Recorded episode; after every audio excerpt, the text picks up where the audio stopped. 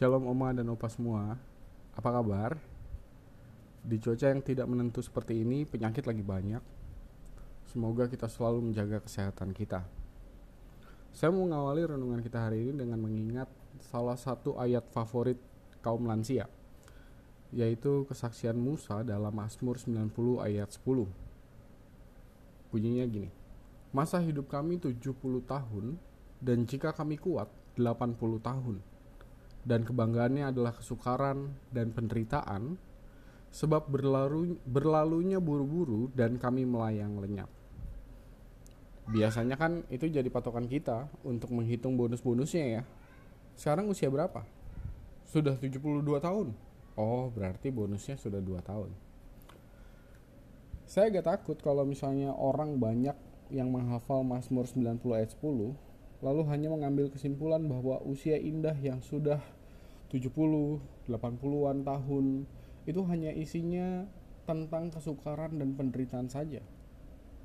Ya betul secara fisik pastilah oma dan opa memiliki banyak keterbatasan karena usia yang sudah lanjut.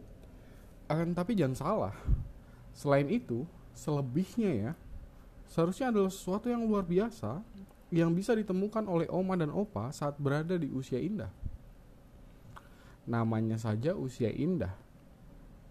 Berarti kan memang banyak keindahannya saat memasuki usia opa dan oma sekarang. Nah hari ini saya mau mengajak kita untuk melihat keindahan usia indah itu. Di mana sih sebenarnya indahnya? Saya sengaja mengambil bacaan tentang kaum rehab. Karena mereka menggambarkan sekali salah satu keindahan usia indah dan itu menjawab di mana indahnya. Memang nggak ada lansianya kalau misalnya di dalam perikop kita hari ini ya. Namun apa yang menjadi tindakan keturunan rehab adalah hasil dari para orang tua mereka. Nah dari situ saya mau ajak kita untuk merenungkan dua hal saja. Yang pertama, tahu nggak perbedaan antara orang muda dengan lansia? Perbedaan antara orang muda dengan lansia adalah orang muda kerjanya menabur dan menanti untuk menuai. Kalau lansia mulai dari mana? Mulai dari menuai sambil terus menabur. Coba lihat ayat 6 sampai dengan 8. Saya bacakan lagi. Tetapi mereka menjawab, "Kami tidak minum anggur."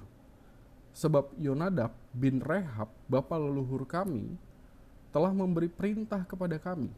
Katanya, "Janganlah kamu atau anak-anakmu pun minum anggur sampai selama-lamanya. Janganlah kamu mendirikan rumah, janganlah kamu menabur benih, janganlah kamu membuat atau mempunyai kebun anggur, melainkan haruslah kamu diam di kemah-kemah selama hidupmu, supaya lama kamu hidup di tanah di mana kamu tinggal sebagai orang asing. Kami mentaati suara Yonadab bin Rehab, bapa leluhur kami dalam segala apa yang diperintahkannya kepada kami, agar kami tidak minum anggur selama hidup kami, yakni kami sendiri, istri kami, anak-anak lelaki dan anak-anak perempuan kami. Oke, itu dia. Memang di dalam perikop kita orang tua mereka sudah tiada. Tapi terbayangkah betapa berbahagianya orang tua mereka saat mereka masih hidup dahulu? Dan bahkan sampai dengan saat mereka berkata seperti di ayat yang tadi, ayat 6 sampai dengan 8. Ketika mereka tahu bahwa yang telah mereka taburkan nasihat, larangan, perintah orang tua, perintah kaum lansia memang benar-benar didengarkan dan berdampak bagi kehidupan anak cucu mantu mereka semuanya.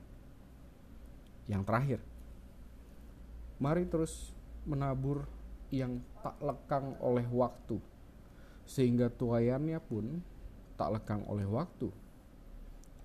Apa yang harus kita tabur? Banyak.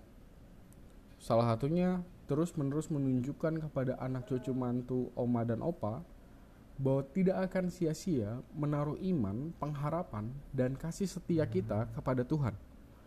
Tidak akan sia-sia hidup beribadah pada Tuhan Tahu nggak perbedaan antara orang muda dan lansia kalau suatu hari saat jam ibadah mau dimulai dan hari tiba-tiba hujan? Saya kok kepikiran nih gini ya. Kalau orang muda tahu saat jam ibadah sebentar lagi datang dan tiba-tiba hujan, mereka itu jadi senang, gembira, karena punya alasan untuk tidak pergi ibadah. Masih ada minggu depan lagi kok ibadahnya. Akan tapi, kalau oma dan opa ketika sebentar ada kebaktian lansia dan tiba-tiba hujan, dan ternyata membuat opa dan oma jadi nggak bisa datang kebaktian, apa yang ada di hati dan hati oma dan opa? Seneng? Pasti enggak. Sedihnya itu sampai minggu yang akan datang saat kebaktian lansia selanjutnya. Maaf-maafnya itu sampai minggu yang akan datang di kebaktian lansia selanjutnya. Ya kan gitu? Menunjukkan pada orang muda bahwa tidak pernah sia-sia untuk hidup bersemangat dan setia di dalam Tuhan. Inilah satu yang oma dan opa tabur yang hasilnya nanti tak akan pernah lekang oleh waktu.